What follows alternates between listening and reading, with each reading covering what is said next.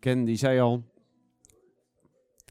deze dienst wordt u aangeboden door François Garnier. De Laboratoire Garnier. ik word net verbeterd. Oftewel, ik vroeg wat is uh, Laboratoire Garnier? maar dat is een uh, schoonheids, uh, schoonheidsmerk, toch? Ja, hij zag alle dames binnenkomen met make-up op. En dat is heel bijbels, hè? Koen, waar is je make-up? oh, die heb je meegenomen. Ah, je hebt je make-up meegenomen. Uh, ja, er, staat natuurlijk, laten we met een heilige feestdos laten we gaan. Dus uh, nee, dat... Uh, die is bezig logeren bij ons. Dus die heeft met de dames hele dagen make-up gedaan. En Paco is gaan logeren bij Ephraim en Elias. Was ook gezellig van de week. Ja, jullie hebben lekker lang geslapen, hè, geloof ik. Nee. Jij wel geslapen, Wim? Of uh, ben je wakker gehouden? Oh, je moest toch werken vannacht. Dus, ja, je, had, je, had, een goed alibi, ja. Dat, uh... Geweldig. God is goed. Laten we tegen elkaar zeggen. God is goed. En aan de uitbreiding van uh, zijn koninkrijk, daar komt geen einde aan. Ja, dat is goed nieuws, hè? We denken dan vaak aan allerlei dingen, maar denk eens even eraan dat zijn koninkrijk in jou is. Dus aan de uitbreiding, dan heb ik het niet over lekker eten met kerst, zeg maar. Maar over de uitbreiding van zijn koninkrijk, ook in jouw leven, daar komt geen einde aan. Je kunt hem altijd beter leren kennen. Hij wil altijd groter worden. Geweldig. Aan zijn vrede, dat staat er ook, aan de vrede, daar is geen eind aan. Die kan altijd meer worden. Laten we even tegen de buurman zeggen, aan zijn vrede, in jou, die kan nog steeds groeien hoor. Ja, die kan nog steeds groeien. Die kan nog groter worden. Ja. We zullen niet in mekaars navel gaan prikken. We gaan God loven en prijzen. Geweldig dat uh, Arjan en Hesti en Naftali speciaal gekomen zijn. Zullen we een applausje geven? Yes. En we, weet je, het is gaaf dat we af en toe heerlijk met uh, live muziek kunnen, kunnen aanbidden. Soms moeten mensen, denk ik, maar eens een keer naar Eeklo komen en die moeten leren om met, uh, met YouTube te zingen. We hebben mensen in, uh, in Terneuzen en in Axel, die kunnen opeens niet meer zingen als de YouTube is, zeg maar. Dus die moeten even leren met YouTube zingen en wij, wij moeten leren met muziek te zingen. en dan kunnen we, gaaf dat jij ook wil leiden, Jeff. Super. Belangrijkste is dat God hier is. En hij is hier door zijn heilige geest. En uh, laten we hem verwachten dat hij bijzondere dingen gaat doen deze middag. Zullen we gaan staan? En de Bijbel staat, laten we hem naderen met de opheffing van handen. Ik zeg wel eens, uh, als we gaan eten bij ons, zeg ik handen omhoog. En dan zit iedereen zo. Ja, dat is heel bijbels, handen omhoog. Dus laat het even proberen. Lukt dat? Handen omhoog. Vader, u bent hier door uw Heilige Geest. U wilt bewegen met kracht deze middag in de naam van Jezus. Ik dank Heer, Heer dat we met u meer als overwinnaar zijn. Ik wil u danken, Heer Jezus, voor het bloed dat heeft gevloeid, voor de opstandingskracht die in ons leeft. En ik bid deze middag dat we, uh, ja, dat we een ontmoeting zullen hebben met u. In de naam van Jezus de Christus. Amen. Laten we blijven staan, Terza. Je hebt de jongste benen zelfs. Dus, uh, en dan gaan we hem loven en prijzen. Jeff. Halleluja. Amen. tegenwoordigheid van God. De vrede van God. Shalom van God. Zij met jou. Laten we de buren in de ogen kijken en zeggen: De vrede van God. elkaar in de ogen gaan kijken en zeggen: De vrede van God. De vrede van God zijn met jou. Jeff, de vrede van God zijn met jou. Ja. is mooi eigenlijk, hè? In Israël zeggen ze shalom. Eigenlijk zeggen ze de vrede van God. Is wel mooier, hè, als hoi. De Arabiërs zeggen het eigenlijk ook. Wat zeggen die? Salam alaikum. Zeg ik ook, hè? De vrede van God. De vrede van God. In het Duits vind ik het ook prachtig. Zuid-Duitsland. Grüß. Groet God. Ja. Groet God. Prachtig, hè? Mag even gaan zitten.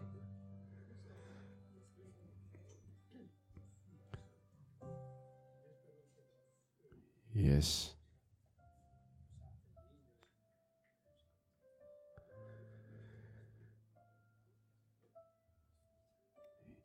gevuld met zijn vrede.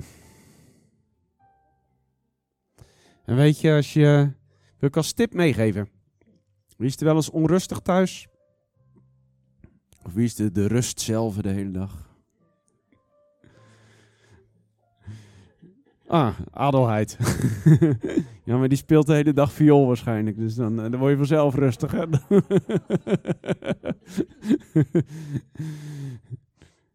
Weet je, is het goed? Soms is het dan goed.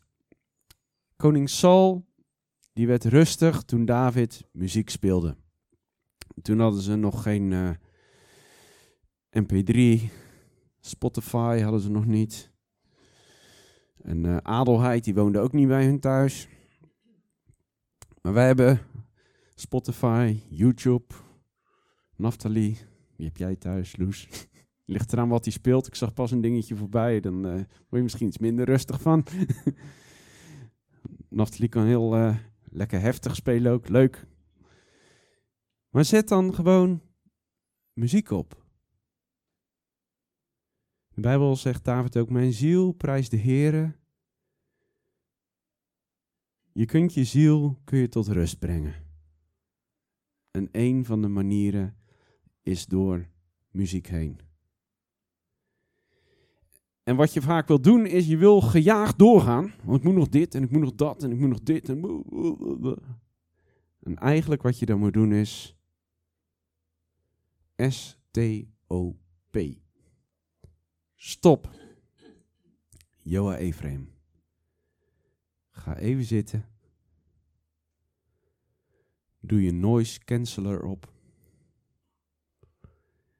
En laat wat vredige muziek vanuit de hemel komen om je ziel tot rust te manen. Kom tot rust. Kom tot Hem, allen die vermoeid en belast zijn.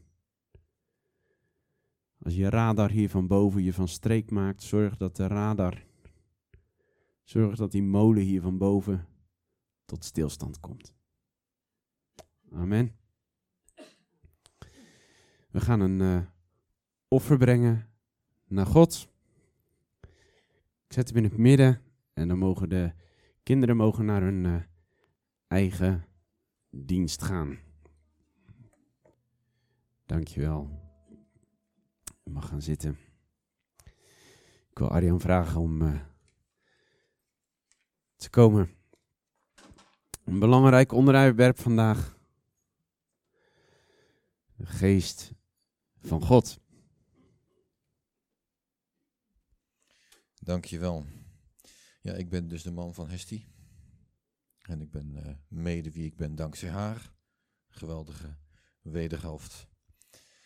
Ja, het is altijd het idee dat de mensen die hier vooraan staan, dat dat hele bijzondere mensen zijn. Hè? Maar dat is eigenlijk helemaal niet zo. Zal ik u maar gelijk eerlijk bekennen. Um, er is uh, jarenlang in mijn leven geweest dat ik eigenlijk niet eens hier durfde vooraan te staan. Dat ik niet eens kon praten, zal ik u eerlijk zeggen. Ik stotterde. Toen ik drie jaar was, toen zag ik Sinterklaas voor het eerst en was zo bang, zonder de indruk, dat mijn moeder zei vanaf dat moment ben ik gaan stotteren. En het was niet zomaar stotteren. Ik, uh, als ik een spreekbeurt moest houden in de klas, dan uh, deed ik een minuut over een zin. En ik, ik, kon een week van tevoren niet slapen omdat ik zo zenuwachtig was dat ik uh, niks durfde te zeggen. En ja, ik was bang voor mensen, echt. Tot op mijn zeventiende jaar en toen zei mijn broer, die gelovig was geworden inmiddels, dat ik ook kon gaan bidden persoonlijk. Nou was ik wel traditioneel opgevoed in de gereformeerde kerk in Nederland. Maar um, persoonlijk met God had ik niet zoveel, om eerlijk te zijn. Maar toen ik 17 was, ben ik op mijn knieën gegaan en heb ik uh, gebeden, gewoon voor mijn bedje. En ik heb heel eenvoudig gezegd, God, als u echt bestaat, dan wil ik normaal kunnen praten. En um, er kwam geen bliksem uit de hemel, echt niet. Maar er kwam een, een vredige stem van binnen. En die stem die zei, Arjan, jij bent bang voor mensen. En omdat je bang bent voor mensen, ga je stotteren. En dan lachen ze je uit. En dan word je nog banger voor mensen. En je zit in die cirkel. En wat mensen van je denken is niet belangrijk. Maar wat ik van je denk, dat is belangrijk.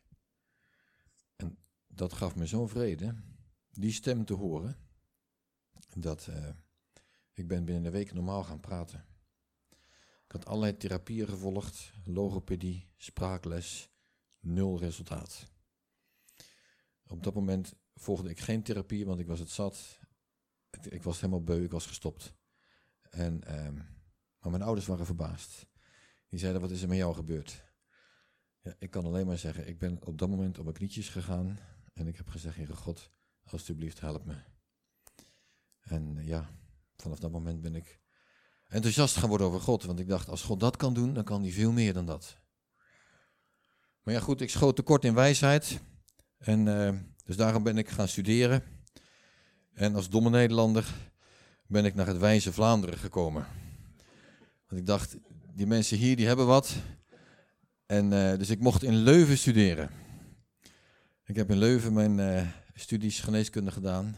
En daar heb ik veel geleerd van jullie. Bedankt daarvoor. En daar ben ik ook vervuld met de Heilige Geest. En daar ga ik u nu wat over vertellen. Dat was ook een bijzonder verhaal. En uh, Johan gaat me helpen, dus je mag uh, de volgende dia doen. Ja, ik ga u deze tekst even laten zien. Die mag u op u laten inwerken. Dit is een tekst die mijn leven, ik zou wel zeggen, 180 graden veranderd heeft. Ik zal hem eerst met u voorlezen. Voorzeker, dit is het verbond dat ik na die dagen met het huis van Israël sluiten zal. Ik zal mijn wet in hun binnenste geven en zal die in hun hart schrijven. Nou, waarom veranderde deze tekst mij nu zo? Dit staat in Jeremia 31, vers 31. Dat is makkelijk te onthouden. Het, Oude Testament. En om eerlijk te zijn, ik, toen ik 17 was, kwam ik dus tot geloof. Ik leerde de Bijbel lezen. Ik kwam bij een christelijke studentenvereniging, Ichtus, in Leuven. En ik leerde over evangelisatie. En ik leerde de dingen die in de Bijbel stonden en alles wat goed was. En ik leefde ook, ik probeerde mijn leven daarnaar in te richten. Er stond in de Bijbel, je moet getuigen. Dus ik dacht, nou dan moet ik getuigen. Dus je moet goede dingen doen. Ik moet goede dingen doen. Ik moet uh, bidden, dus ik ga bidden. Ik moet in de Bijbel lezen, dus ik ga mijn Bijbel lezen. En ik probeerde als het ware de geboden van God in mijn hoofd te stoppen. En die probeerde die uit te voeren. En op een gegeven moment raakte ik op een punt dat ik vermoeid was. Ik dacht van al die geboden wat er staat. Och, allemaal zo moeilijk en ik snap het niet allemaal. En help me toch, Heere God, ik, ik, ik snap het niet. De één ding had ik al wel geleerd, als je iets niet snapt, dan moet je het aan God vragen. Dus ik vroeg, Heere God, help. En toen las ik die avond deze tekst, Jeremia 31, 31. Toen dacht ik, wauw, dat zou nou toch mooi zijn. Als, dat, als, als dat verbond, als u een nieuw verbond sluit en u schrijft uw wet in mijn binnenste. Niet alleen maar meer in mijn hoofd, maar het zou toch geweldig zijn als u het ook in mijn hart kan schrijven. Dat het van binnen iets in me gebeurt, dat er iets leeft, dat ik met passie alles kan doen wat u vraagt van me om te doen. Dat zou nou toch geweldig zijn. Ik las die tekst en ik werd helemaal hongerig. Ik denk, wauw, dit moet toch kunnen. En ik, ik ontdekte dat deze tekst eigenlijk een voorspelling is over het Nieuwe Testament. Want deze tekst wordt drie keer herhaald in het Nieuwe Testament. In Romeinen, in Hebreeën wordt het herhaald. Dus dit, dit komt tot vervulling in het Nieuwe Testament. Dit kan alleen maar door de Heilige Geest die zijn wet in hun binnenste schrijft. In 1 Corinthië staat het ook nog een keer. Daar staat dat u bent een brief van Christus, geschreven met de geest van de levende God, niet op tafelen van steen, maar op, hart, op tafelen van vlees in de harten. De Heilige Geest schrijft blijkbaar in je hart. Dus ik dacht, wauw, dat is toch geweldig. Het is dus blijkbaar mogelijk om christen te zijn en ook nog blij. Want ik wist niet dat dat kon. Ik dacht, christenen, dat zijn zuurpruimen, die hebben een bijbel ingeslikt en die moeten alleen maar ja, voldoen aan al die geboden en al die zware dingen die erin staan. Dus wat deed ik? Ik ging op zoek naar blije christenen. Ik dacht, die moeten, die, dat kan blijkbaar. Ik, ik, ik kende een aantal blije christenen. Ik dacht, wauw, dat is toch geweldig, daar moet, daar moet ik zijn. Daar wil, ik, daar wil ik om raad vragen. Dus die blije christenen ging naartoe. Ik zeg, hoe zit dat? Die tekst, Heilige Geest schrijft in je hart, maar ik heb dat niet. Ik, het zit niet in mijn hart, het zit alleen maar in mijn hoofd. Ik weet wat ik moet doen, het is kennis, maar het zit niet in mijn hart. Help, hoe moet dat? Dus je zei, ja, je moet vervuld worden met de geest en bidden in tongen. En oh, ik dacht, oh, wat is dat allemaal? Oh, rustig aan, ik ben een, uh, gestudeerd, hè. ik voelde mezelf een heel rationeel jongetje. Maar um, die zei, nee, nee, is niet erg, we gaan voor u bidden, dat u vervuld wordt met de geest. En uh, het was hier in Brugge, hier vlakbij. En uh, enthousiaste christenen. En ik werd vervuld met de Heilige Geest, zeg. Wauw, dat was een verschil. Echt waar. Ik begon in te merken dat de Heilige Geest in mijn hart begon te schrijven. En het was niet meer, meer Arjan, maar het was Arjan Plus. Zou ik eigenlijk durven zeggen. Er was meer. Ineens kreeg ik het verlangen om um, de Bijbel te gaan lezen. Dat was het eerste wat mij begon. Ik kreeg een honger naar het woord van God. Je moest tegen mij niet meer zeggen, je moet de Bijbel lezen, want ik wilde lezen. Ik, eindeloos, ik ging maar door. Ik was niet meer te stoppen. Ik wilde Gods woord lezen. Ik kreeg een verlangen om, om te gaan zingen. Op een gegeven moment uh, werd ik ontdekt, mijn vrouw die heeft me wel eens ontdekt, dat ik aan het zingen was s'nachts in mijn slaap. Nou, dat komt niet van mezelf. Dat is echt, dat is niet Arjan. dat is Arjan Plus. Ja. Ik kreeg een verlangen om te getuigen. Ik zat in de trein en ik, ik begon tegen mensen te vertellen over Jezus. Ik kreeg een verlangen om te vasten. Nou, dat is helemaal niet Arjan. dat is niet, uh, niet van mezelf. Ik hou van eten. Ja, maar ik kreeg een verlangen om dichter bij God te zijn. Alles begon te veranderen. Ik merkte dat Gods geest in mijn hart begon te schrijven. Zoals hier staat, dat hij de wet in mijn binnenste legde. En dat het, het is dus mogelijk blijkbaar om christen te zijn en blij te zijn. Dat het van harte komt. Wauw.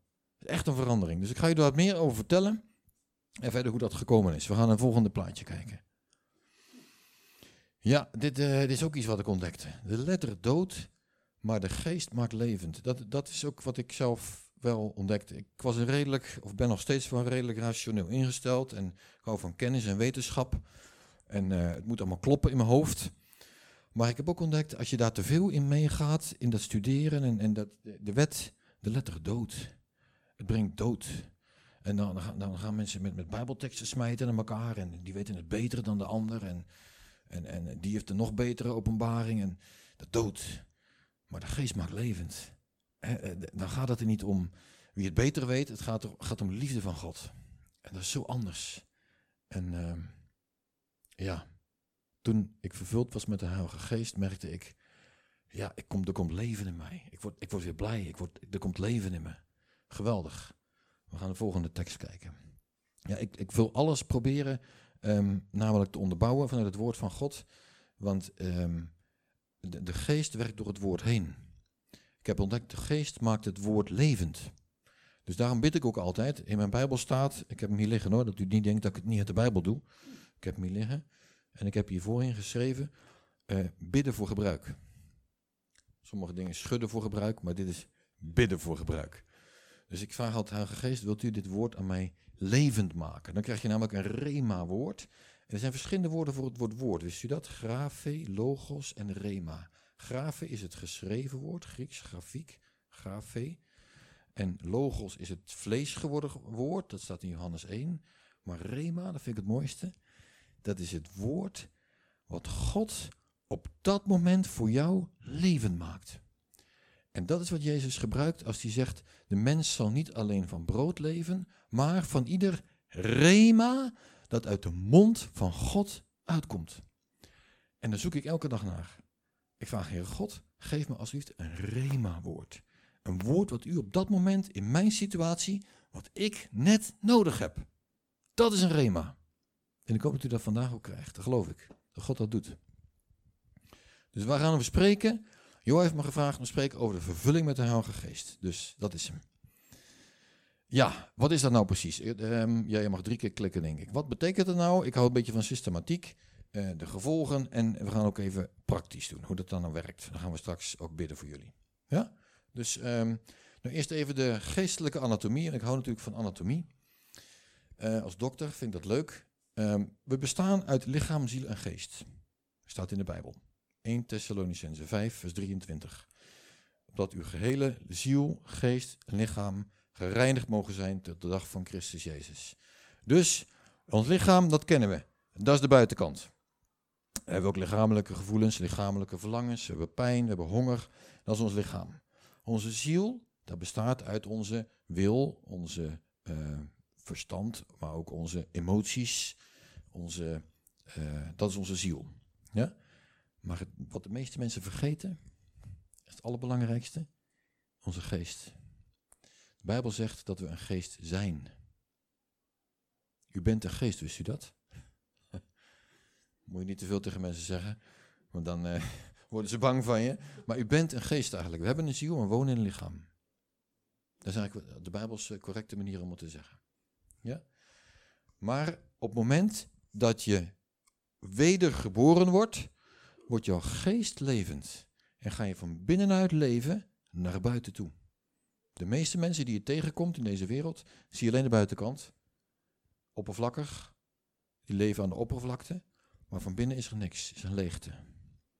Maar ik zal u zeggen, we zijn gemaakt voor Gods geest. We zijn gemaakt dat God zijn geest in ons uitstort. Dan pas ben je echt compleet, volgens de Bijbel. Dan ben je dus een mens plus. Oké. Wat betekent dat nou dat je vervuld bent met de Heilige Geest? We lezen eerst eens even in Pinksteren. Um, het verhaal van Pinksteren, dat staat in Handelingen 2. En um, er staat dit. Eensklaps kwam er uit de hemel een geluid als van een geweldige windvlaag en vulde het hele huis waar ze gezeten waren. En er vertoonden zich aan hen tongen als van vuur die zich verdeelden en het zette zich op ieder van hen en ze werden allen vervuld met de Heilige Geest. Dus het eerste verslag van vervulling met de Heilige Geest. Er staan er vijf in de boek Handelingen. We gaan er nog meer van zien straks. Wat vind ik hier zo, mooi aan? Nou, ik las dit. En ik las eerlijk gezegd vanuit de blik van een jongetje dat in de kinderbijbel gelezen had dat er windvlaag was en vuur was. Maar als je goed leest, staat er helemaal niet. Want er is helemaal geen wind en er is ook helemaal geen vuur. Wat is er wel? Goed lezen. Er kwam enerzijds een geluid. En dat geluid klonk als een wind. Maar er was een geluid. Dat klonk als de wind. Dat is het eerste. Hoe klinkt dat? Een geluid als de wind?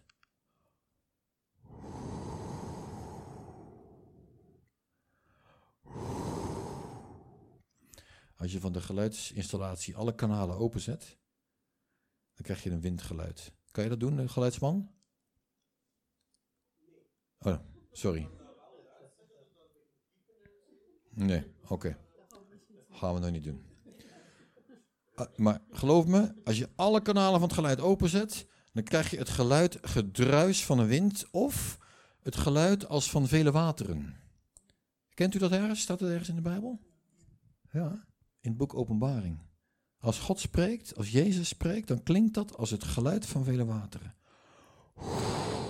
Gedruis. God die vult alle kanalen.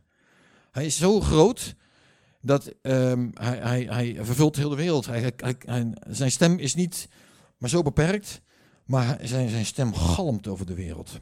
Dat is Gods stem. Dus dat geluid hoorden ze hier, geloof ik. Een geluid als van de wind. Dat is wat de mensen eromheen hoorden. En het tweede wat er zichtbaar was, dat waren deze dingen hier. Er staat letterlijk tongen. Dit dingetje. Was geen vuur, nee, het waren tongen. Als van vuur. Het leek op vuur. Maar het was geen vuur, het waren tongen.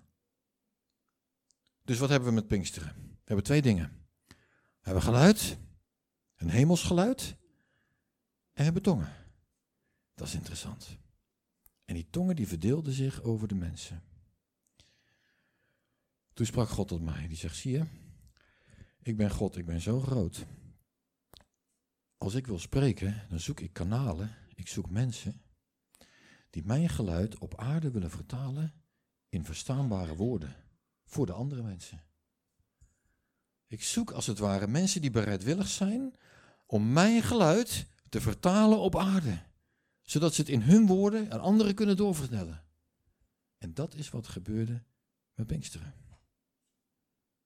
De jongens die stonden op, die begonnen vrijmoedig te spreken. Ze spraken in talen. Iedereen, er kwamen Meden, Persen, eh, Mesopotamiërs, over heel de wereld kwamen de mensen in Jeruzalem samen. Die hoorden hen spreken hun eigen taal. Ze verstonden hen. Geweldig. Dit is God. Vind ik zo mooi. Dat is het eerste wat er gebeurde toen de Heilige Geest neerdaalde met Pinksteren. We gaan eens verder. Als u tussendoor iets wil vragen, mag dat ook. Ik hou ook van interactie. Als u zegt, snap het niet, we zijn een kleine groep, dus dat mag best. Hè? Het is niet alleen ik die wil uh, praten. Ja, Matthäus 3, vers 11. Ik doop u met water tot bekering, maar hij die na mij komt is sterker dan ik. Hij zal u dopen met de Heilige Geest en met vuur. Hier, daarnet spraken we over de vervulling met de Heilige Geest, maar Jezus die spreekt over de doop in de Heilige Geest. Het woord wat hier gebruikt wordt is baptizo, onderdompelen. Letterlijk water, kopje onder, in de geest. Dat is ook een andere definitie eigenlijk die je zou kunnen geven aan vervulling met de Heilige Geest. Dat betekent dat je letterlijk ondergedompeld wordt in. Dat is wat Jezus bedoelt. Dit zegt Johannes de Doper over Jezus. Dus Jezus is de doper in de Heilige Geest. Wauw, wie eh, verlangt daar al een beetje naar, zodat je ondergedompt wordt in de geest, ondergedompeld. Zo heerlijk, dat is uh, mooi. Ja. Oké, het is de belofte van Jezus, dus dat kan. We gaan eens verder kijken. Allemaal teksten hoor. Jezus zegt dit ook nog. Ik doe de belofte van mijn vader op u komen. Maar u moet in de stad blijven. Totdat u bekleed wordt met kracht uit de hoge. Dit is Lucas 24 aan het einde van hoofdstuk Lucas. Waar Jezus eigenlijk afscheid al nemen is van zijn discipelen. Maar hij waarschuwt ze nog en zegt: Joh, blijf nou in de stad. Niet gelijk weglopen. Want je moet nog bekleed worden. Ga niet naakt op pad. Ga niet in naki, maar Wacht tot die kracht uit de hoge komt, tot de belofte van mijn vader komt. En dan word je vervuld met de geest. Dat is eigenlijk wat Jezus belooft. Wacht daar nou op. Dat hebben ze ook gedaan, gelukkig. Ze zijn in die bovenkamer gaan zitten. En hebben ze gebeden tot 50 dagen na eh, Pasen. Is het toch, hè? Pinksteren? Of 10 dagen na Pasen? Wat is het ook weer? Ja, Pentacosta is 50 dagen. Hè? 50 dagen. Pentacosta. Daarna kwam de Heilige Geest. Is in die bovenkamer waar ze aan binnen. Oeh, toen kwam de Geest. Maar Jezus belooft het hier al. Ik laat me u maar veel teksten zien, want dan weet u dat het onderbouwd is. Oké, ehm, we gaan nu naar het boek Handelingen. Want in het boek Handelingen, zei ik al, er wordt vijf keer gesproken over de doop in de Heilige Geest. Vijf keer. Dit is uh, een van die keren. In Efeze. Toen kwam Paulus aan. Paulus die vond daar enige christenen en die zeiden, hij zei tegen hen, hebben jullie de Heilige Geest ontvangen toen jullie tot geloof kwamen? Maar die mensen zeiden nee, we hebben zelfs niet gehoord dat er een Heilige Geest is. Oh, uh, zei uh, Paulus, waarin zijn jullie dan gedoopt? Ja, ze zeiden in de doop van Johannes. En toen ze dit hoorden, Paulus begon ze natuurlijk uit te leggen dat er ook een doop is in de Heilige Geest. En toen ze dit hoorden, lieten ze zich dopen in de naam van de Heer Jezus. En toen Paulus hun de handen oplegde, kwam de Heilige Geest over hen. Wat je hier ziet, is dat het eigenlijk twee verschillende ervaringen zijn. Je hebt de doop in water. En er wordt dus gedoopt in de naam van de Heer Jezus. En daarna legde Paulus hun de handen op. En ze werden vervuld met de Heilige Geest. Dus het lijken twee verschillende ervaringen te zijn. Was bij mij dus ook zo. Ik was al lang christen. Ik, uh, ik, ik, ik, kende de Bijbel. Ik, ik had mijn leven aan God gegeven. Maar ik was nog niet gedoopt of vervuld met die Heilige Geest. Dat was een andere ervaring. Dat zie je hier dus ook. Komt in de Bijbel voor. Ja, we gaan eens verder kijken. Ja, is dit dan wat er gebeurt? Het is niet zo duidelijk te zien misschien, maar er staat boven en zij werden allen vervuld met de Heilige Geest. Is dit uh, wat we bedoelen of... Uh... Nee, er is meer. Hè. We gaan eens kijken. Ja, we gaan nu eens kijken naar wat eigenlijk de gevolgen zijn als je dus gedoopt wordt in de geest. Of als je vervuld wordt met de Heilige Geest. Nou, het eerste wat Jezus belooft in Handelingen 1 vers 8, voordat hij uh, in de wolken naar de hemel ging, voor de hemelvaart, voorspelt hij al, jullie zullen kracht ontvangen wanneer de Heilige Geest over u komt. En u zult mijn getuige zijn in Jeruzalem en in geheel Judea en Samaria en tot het uiterste der aarde. Als de Heilige Geest over je komt, dan zul je kracht ontvangen. Staat het woord dynamiet, dunamis staat hier. Kracht. Je wordt vervuld met kracht. Je wordt vrijmoedig. Je gaat spreken over God. Je wil, je wil vertellen over Jezus. Dat is wat de eerste wat er gebeurt. Je krijgt vrijmoedigheid om te getuigen.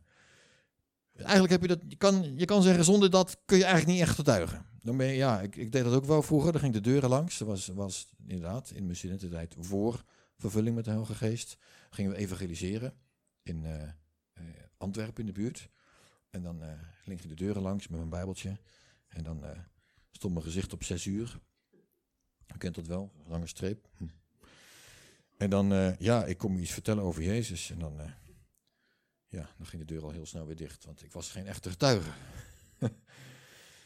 Maar uh, toen ik vervuld was met de geest, was het wel wat anders.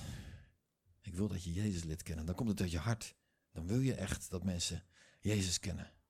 Want het is de moeite waard om hem te kennen. Echt waar. Echt de moeite. Daarom, je hebt de Heilige Geest nodig om te getuigen. Oké, volgende. Wat, je, wat er meer gebeurt. Als je um, vol wordt van de Heilige Geest. Terwijl zij baden, werd de plaats waar zij vergaderd waren bewogen. En ze werden alle vervuld met de Heilige Geest en spraken het woord van God met vrijmoedigheid. Daar hebben we het weer. Vrijmoedigheid. Ze kregen honger naar het woord van God. Dit is wat ik heb ervaren dus. Dat je ineens verlangt naar het woord van God. Dat je honger krijgt. Ik wil meer van Jezus. Ik wil meer van God. Ik wil meer van Hem weten. Ja, dat is een, uh, een ander gevolg. En het leuke vind ik, als je met de Heilige Geest vervuld wordt, dat dat verschillende effecten heeft bij verschillende personen. De ene begint te evangeliseren, de volgende die gaat schilderen, onder de kracht van de Heilige Geest, we hebben het over gehad. We hebben in het Oude Testament meneer Oholiab, alleen al een creatieve naam al, ongelooflijk. Oholiab en zijn vriend heette, een, eh, eh Abina, nee, nog moeilijker naam. Maar in elk geval, er staat in het Oude Testament Exodus, die mensen werden vervuld met de Heilige Geest, zodat ze talent hadden om te gaan ontwerpen. Die moest het ontwerp voor de tabernakel maken. Die, die, gordijnen, en je kent het wel, en, de prachtige uh, beeldhouwwerken en de ark moesten die ontwerpen. Die mensen die werden vervuld met Gods geest om dat te kunnen doen. En het leuke is dus dat bij de een bewerkt God dit, en bij een ander bewerkt God weer iets heel anders. Uh, bijvoorbeeld bij jou uh, is het evangeliseren, denk ik. Zomaar. Is dat zo? Is dat iets wat je hart ligt? Om het evangelie te delen, hè? Ja, dat is zo, hè? Dat je het gaat delen met, met, met je buren en met je vriendinnen en kennissen. En dat je mensen op de koffie uitnodigt. En ja, dat is dat de Heilige Geest in je hart kan doen. Echt waar. En dan maak je bekwaam om dat te kunnen doen. Echt waar. Dat is mooi. Vrijmoedigheid. We eens kijken wat er nog meer gebeurt. Als God jou vervult met zijn geest. Ja, dit is Handelingen 8. Handelingen is het boek van de Heilige Geest eigenlijk, zou je kunnen zeggen. Er gebeurt zoveel daar. En op een dag waren de uh, dit was bij um. Philippus de evangelist. Die reisde rond en um, die, die, er gebeurde allerlei wonderen en tekenen. Dat is ook een teken als je vervuld wordt met de geest. Er werden mensen begonnen genezen. Genezingen. Uh, mensen die werden aangeraakt. Demonen gingen weg. In elk geval, was iets zichtbaar. Zo duidelijk zichtbaar dat Simon, dat was een tovenaar, die zag dat door de handoplegging van de apostelen de geest werd gegeven. Ja, dat kan je ook anders lezen. Ze gaven de geest, maar dat is maar. Oké. Eh, ik bedoel, ik begrijp op welke manier ik het bedoel hier. De, geest werd gegeven in die zin. U moet niet bang zijn als we straks gaan bidden hier dat u allemaal de geest geeft hoor. God geeft de geest aan ons. u geeft hem niet meer aan God. Hè? Eh, God geeft de geest aan u. Uh, maar deze jongen, die Simon, die was jaloers. Want hij zag er iets gebeuren. Met andere woorden, als je vervuld wordt met de Heilige Geest, dan zie je dat. Het is zichtbaar van buiten. Dus dat plaatje van net van al die mensen die zij werden vervuld met de Heilige Geest, is niet helemaal de realiteit. als je echt vol bent, dan zet het met een glas. Als je maar door blijft gieten en blijft gieten, door gieten. En op een gegeven moment stroomt het over. En dat is ook zo. Het, eigenlijk het enige bewijs van, van vervulling is dat je overstroomt. Zo simpel. Sorry? Het overstroomt. Het enige bewijs van vervulling is dat je overstroomt. Ja. Dan pas weet je zeker dat je vol bent. Toch? Ik kan wel zeggen dat je vol bent, maar pas als het overstroomt, anderen zien het, dan is er echt iets. Dat is vervulling met de Heilige Geest. Je kan het niet inhouden. Het loopt er gewoon uit. stroomt. Dat zag Simon ook. En hij dacht dat hij er geld voor kon geven, maar dat kan helaas niet. Nee, nee, nee, nee, nee. Dat is niet te koop met geld. Het is een gratis geschenk wat God voor iedereen heeft. En hij heeft geen lievertjes. Hij wil iedereen vervullen met zijn Heilige Geest. Iedereen die honger heeft. Gaan we zo zien hoe dat werkt. Het is ook een mooie, Handelingen 10. Het is een van die andere vijf keren dat uh, de Heilige Geest neerkwam op mensen. En het is bij Cornelius, Handelingen 10. Cornelius was een heidense man. Was een, Romein. Niet gelovig. Maar Petrus die moest naar hem toe gaan. Dat is trouwens heel bijzonder.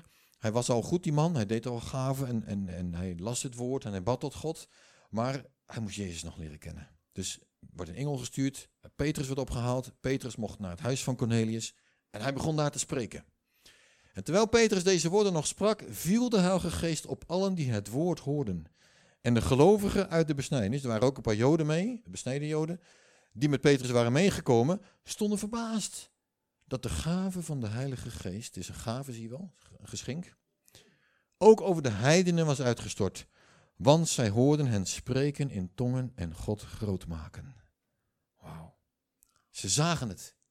Het bewijs was er. Ze waren vervuld met de Heilige Geest en ze spraken in tongen en ze begonnen God groot te maken. Is het bewijs dat ze vol waren met de Heilige Geest. Dit waren heidenen. Ze hadden nog niet eens, het leuke was, die waren nog niet eens gedoopt, deze jongens. dat is ook leuk. Dus het kan ook dan blijkbaar andersom. Je kan ook eerst vervuld worden met de geest en daarna gedoopt worden met, met water. God die is uh, creatief. Hij, hij, houdt, hij is niet zo van volgorde. Les 1, les 2, les 3. God is, hij wil zo graag. Hij wil ons zo graag, graag die gave geven van de Heilige Geest. Want het bekwaamt ons tot allerlei dingen. Het is echt waar geweldig. Ik heb ontdekt, de Heilige Geest is de sleutel tussen de theorie en de praktijk. Echt waar.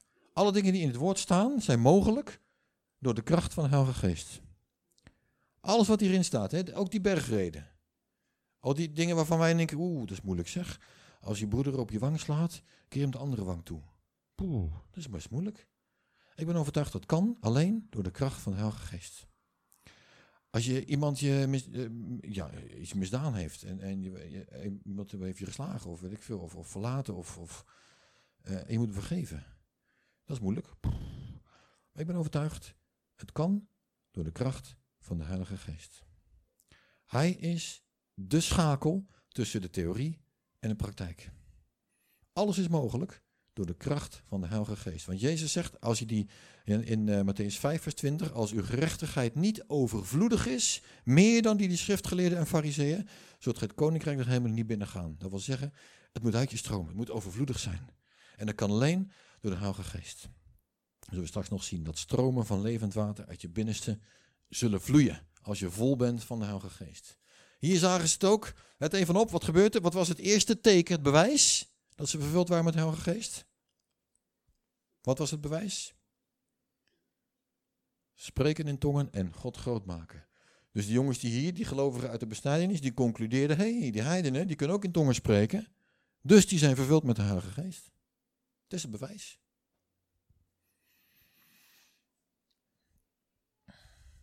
Handelingen 19 vers 6. Toen Paulus hun, dat was in Efeze, hadden we het net ook over. Toen Paulus hun de handen oplegde, kwam de Heilige Geest over hen en zij spraken in tongen en profeteerden. Van de vijf keer dat er een getuige is van een vervulling met de Heilige Geest, is drie keer het directe effect het spreken in tongen. En dan zat ik weer. Hè. Toen dacht ik, Heere God, hoe is, waarom is dat toch zo? Wil je nog een keer klikken? Ik vroeg me dat af.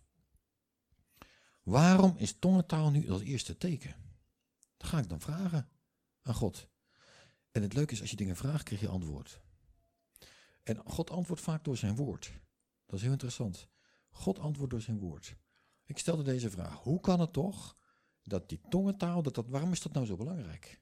Die tongentaal. Ik bedoel, waarom niet een ander teken? Waarom ga je niet gloeien of zo? Waarom ga je niet uh, braken? Of, uh, waarom tongentaal? Ja, maar God antwoordde. Let op, laten we kijken. In Jacobus, daar staat wie in zijn spreken niet struikelt, is een volmaakt man. In staat zelfs zijn hele lichaam in toom te houden. En daar wordt de tong met twee dingen vergeleken. Met een bit en met een roer. En toen snapte ik het. Eindelijk, ja, dat heeft even tijd nodig bij mij om te bezinken. Ik ben niet zo snel van begrip. Maar de Heilige Geest, wie geeft dat dan door aan je? Hij zegt eigenlijk, niemand is helemaal volmaakt. Ja? Maar als de Heilige Geest in jou is, dan heeft hij, als hij controle heeft over jouw tong, heeft hij controle over je hele lichaam.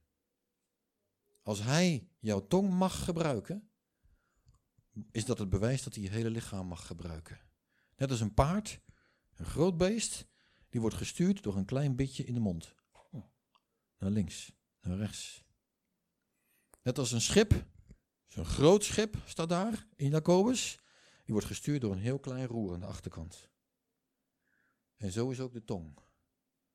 Met andere woorden, als de Heilige Geest jouw tong mag gebruiken om zijn woorden te spreken, dan is dat het bewijs dat hij jouw hele lichaam mag gebruiken.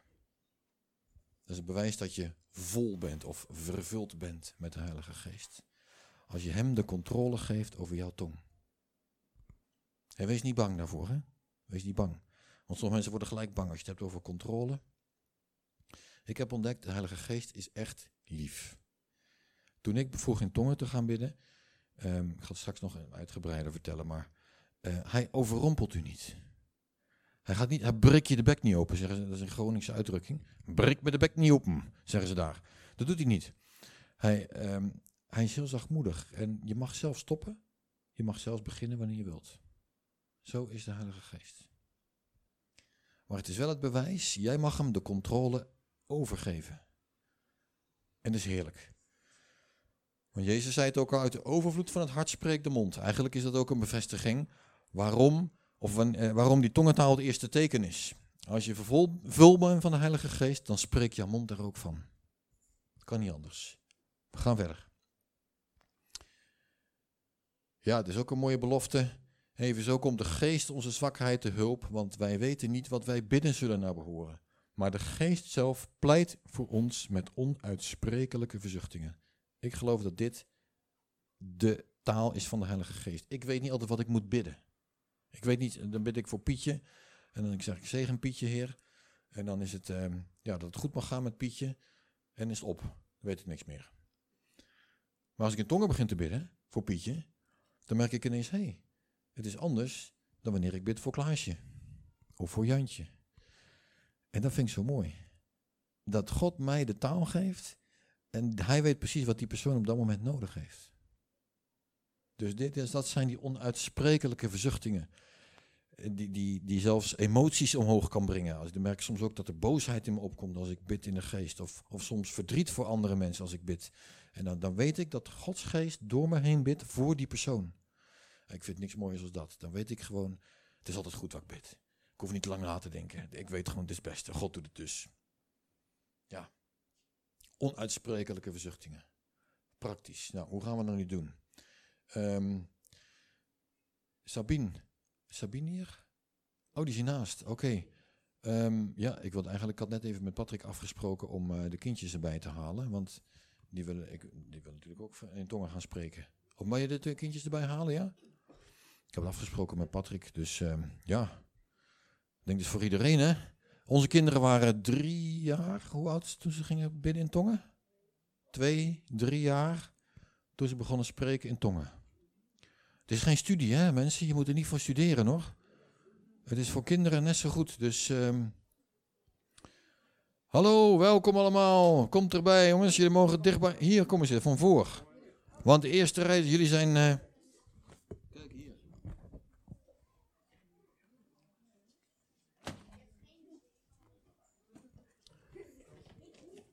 We gaan eh, vertellen over... Ja, geef dan maar die Bijbel. Dat is, die zit toch in mijn hart.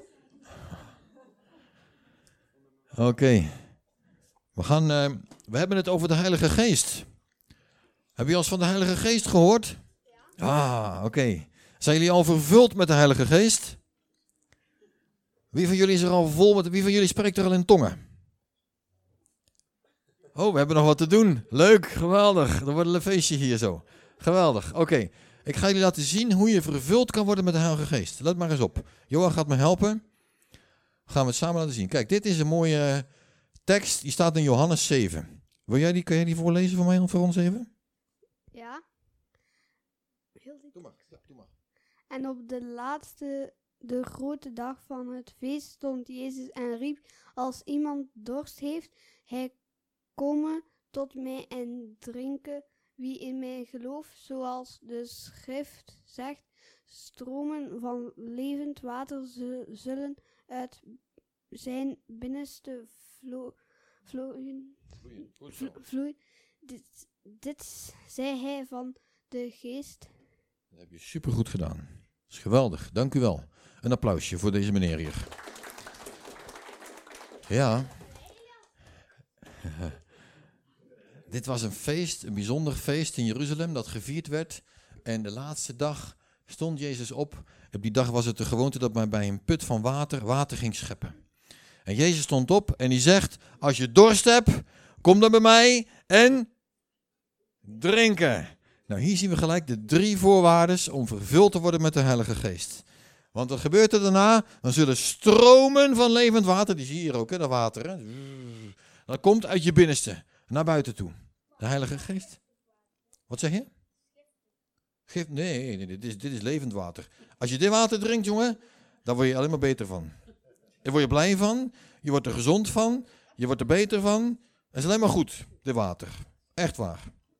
Dat is de Heilige Geest. Die werkt door je heen. Dus de voorwaarden zijn heel simpel. 1, 2, 3. Mag drie keer klikken. Jezus zegt, je moet dorst hebben. Je moet komen bij Jezus. En je moet drinken.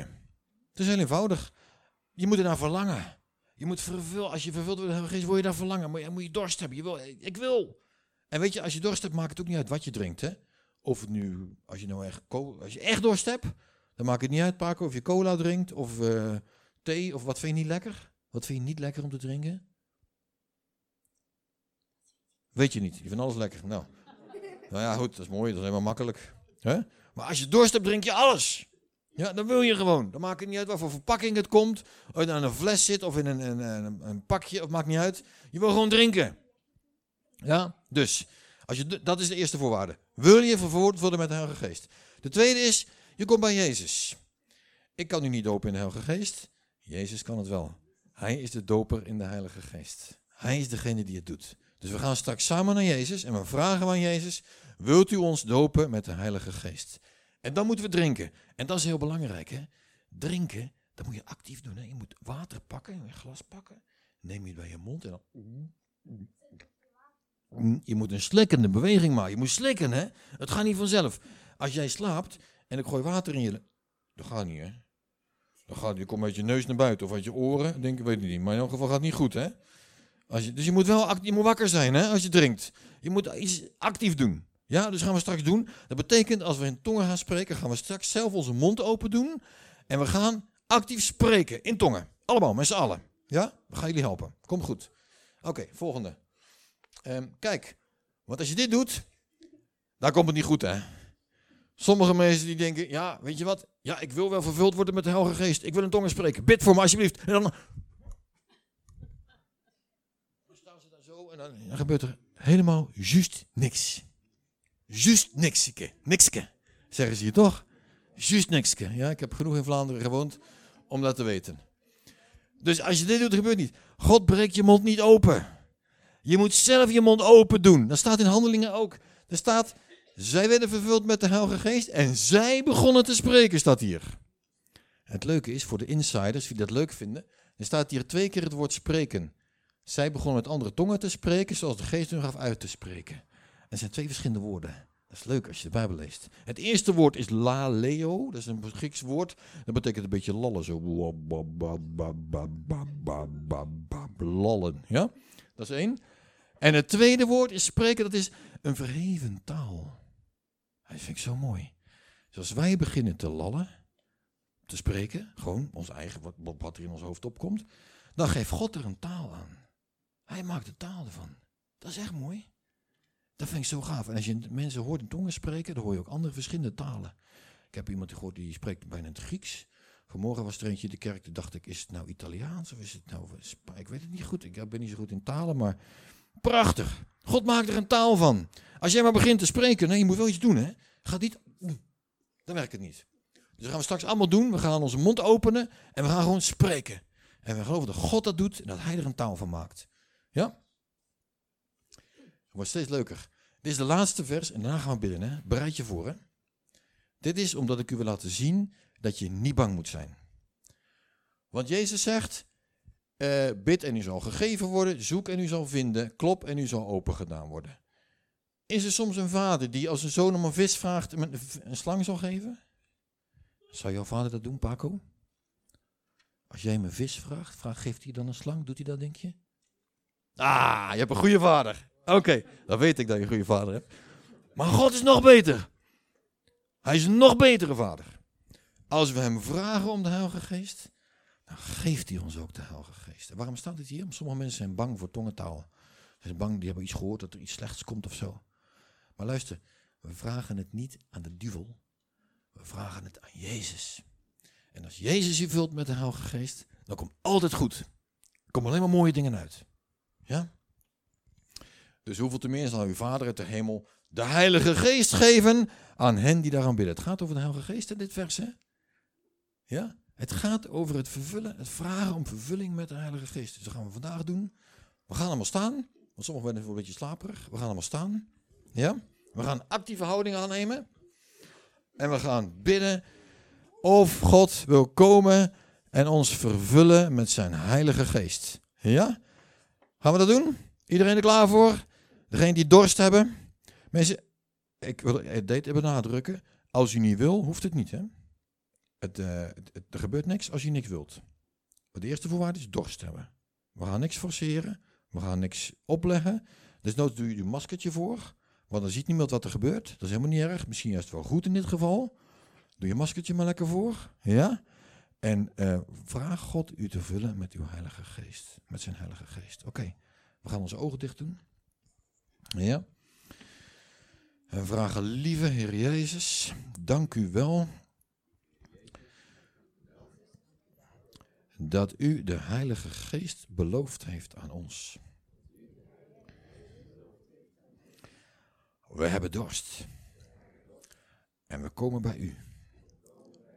En we vragen u, wilt u ons vervullen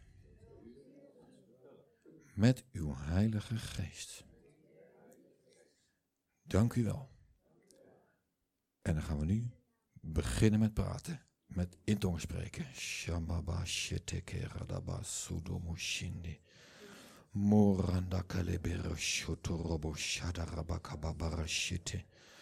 Kunda karada kumo sinde la ramo yosude la kamaro shide ramonko. Yamba kadera di berodobo shide berada babara shide derada babu shide la karada babu. Dank u wel, Jezus. Dank u wel. Goed zo, goed zo. Kijk eens, je doet het al, hè? Ja, goed zo. Ja, maar moeilijk, hè? Niet moeilijk, hè? Paco, shibabara shiderada. Laat horen. Goed zo. Dat is hem. Ga maar door. Kijk, ga maar door. Kan je het ook al? Nee. Doe maar. Spreek maar. Goed zo, dat is het al. Meer geven. Meer geven, dat het zal stromen uit zijn hart. In de naam van Jezus. Goed zo. Goed zo, goed zo, goed zo. Mooi. Kijk eens, er zijn er al een aantal kinderen die het kunnen niet. Die drie hiervoor, die kunnen het al.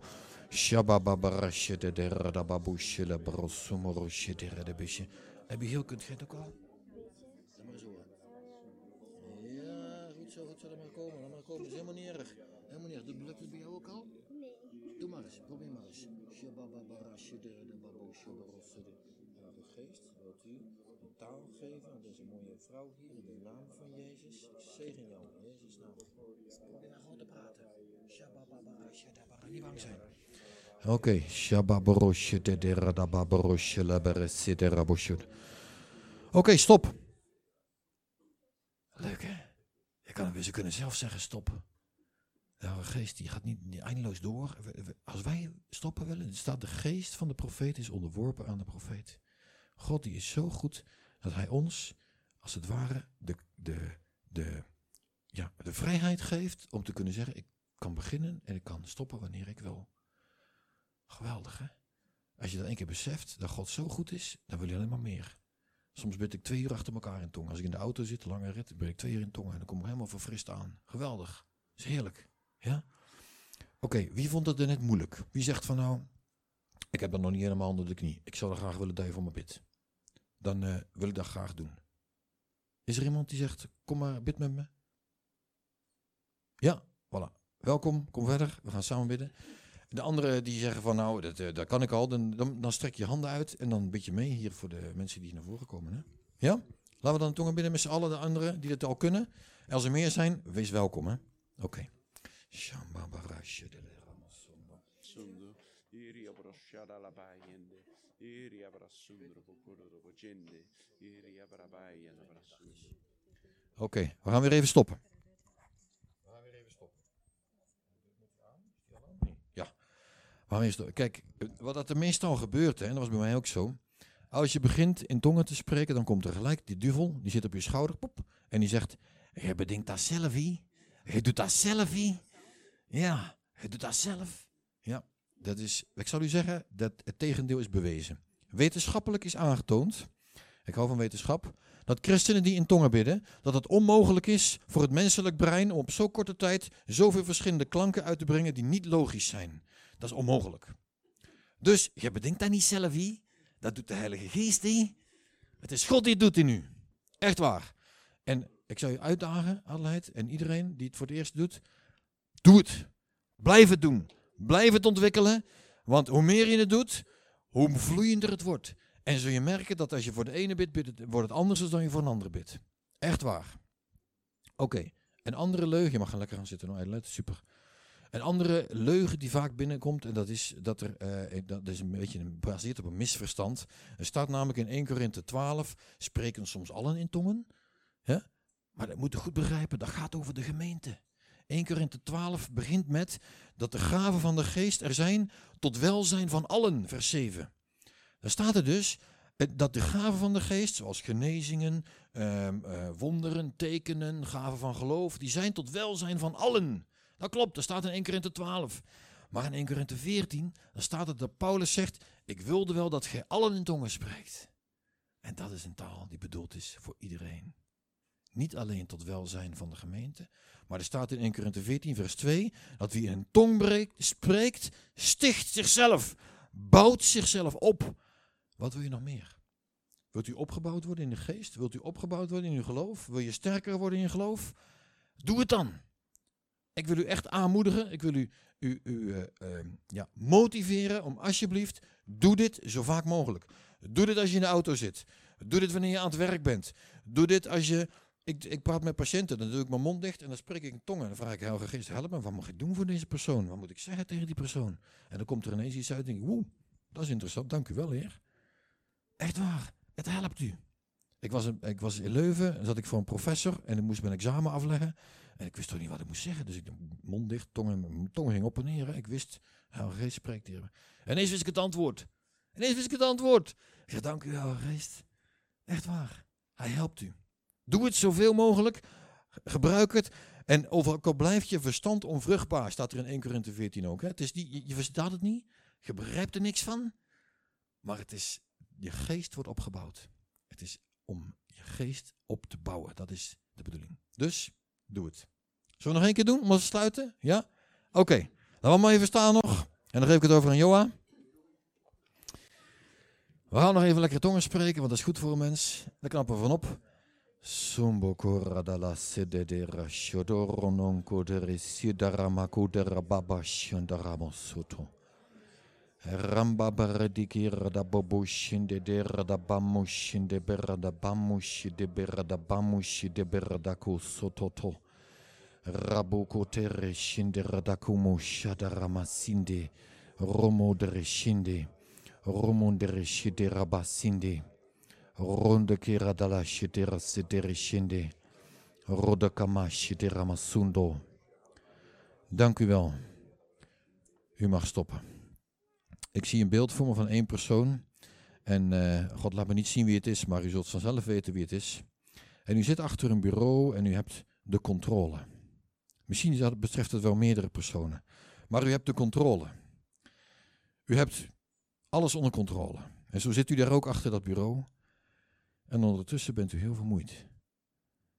En uh, ik zal u zeggen, als u dat bent, dan wil ik u uitdagen. Um, laat je vervullen met Gods geest. Laat de controle over aan Hem. Want, weet u, het tegenovergestelde van controle is niet loslaten, maar is toevertrouwen. En dat is geloof. Dat Hij de controle heeft. En er zijn heel veel mensen die zijn oververmoeid door de controle willen houden. Alles onder controle. Als een stalen gezicht. Ik heb alles onder controle. Maar weet u, de dag van je geboorte heb je niet onder controle. De dag dat je overlijdt heb je niet onder controle. De mensen om je heen kan je niet controleren. Je kan eigenlijk maar heel weinig controleren. Dus stop met die vermoeiende bezigheid. En besluit vandaag om de controle over te geven en zeggen: Heilige God, ik vertrouw u. Ik besluit om u te vertrouwen. Ik geef de sleutels van mijn leven aan u. Heilige Geest, ga uw gang in mij en door mij heen. En weet u belofte? Je zult echt een vrolijk, een ontspannen, een heerlijk, een plezierig, prachtig leven hebben. Als je de controle durft los te laten en geef en zeg, Heere God, u weet het beste met mijn leven. U heeft me gemaakt. U weet alles van me. U heeft met elkaar getimmerd. U weet precies waar ik goed in ben. U weet precies wat ik niet kan. Gaat uw gang maar in mij. Laat maar gebeuren. Ik geef het aan u. Dank u wel, Heer Jezus. Amen.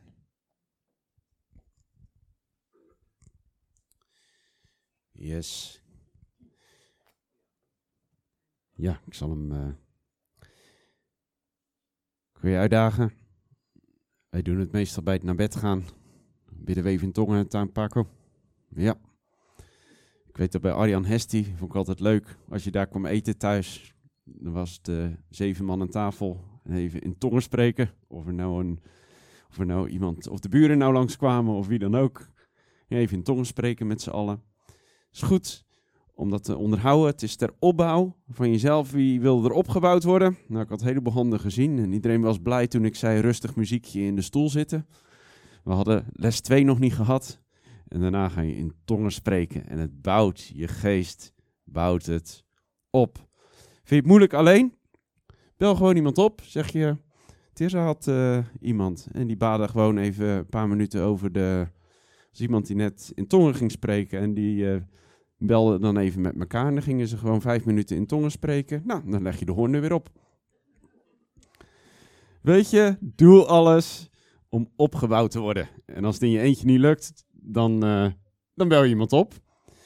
Wil je hier meer over weten? Het gaat niet door je verstand, hè? Maar bij sommige mensen zit hun verstand in de weg. Daarom hebben we een boekje. Daarom eerst ervaren, Tom de Wal heeft er een uh, eh, 50 redenen om te spreken in tongentaal. Dus dat is voor de mensen die goed met argumenten in elkaar zitten. Iedereen mag die gratis uh, mag die, uh, meenemen. ik heb ze hier van voren. Je mag hem alleen meenemen als je hem ook leest. Laten we dat afspreken. Dus, dus als je hem gaat lezen, dan mag je hem meenemen. En het goede nieuws is, alles wat je tot je genomen hebt, dat delen we weer. Dat delen we weer uit. Moet je toestemming hebben om voor een ander te bidden om te gaan spreken in tongen? Nee. Kom jij iemand anders tegen en die andere persoon wil gedoopt worden in de Heilige Geest? Hup, dan ga je bidden. Precies hetzelfde zoals hier. En dan ga je samen in tongen spreken. Amen. Dat is goed. Bedankt Arjan, bedankt Hesti, bedankt Naftali en ook nog een speciaal dankjewel aan Ken. Jullie hebben niks op je hoofd gekregen? Nee, ja, Ken durfde hier niet te gaan zitten, dus uh, nee ja, jullie hebben in tongen gebeden, dus dat kwam helemaal goed. Dus dan, uh, dan gaan, we, gaan we afsluiten. Bemoedig elkaar van de week. Deel het evangelie. Spreek in tongen. En uh, dan zien we elkaar volgende week. Zien we elkaar terug, in ieder geval. En misschien zie ik je van de week wel. Want ik dwaal zo af en toe nog wel eens een beetje rond in Eeklo. Dus is goed. Wel thuis. En drink, eet nog wat lekkers. we hebben koffie, thee. Was er nog iets? Oh ja. Heb je nog gebed nodig voor iets anders als in tongen spreken of, of voor het spreken in tongen? Kom dan naar voren. Want dan gaan we daar voor bidden. Amen.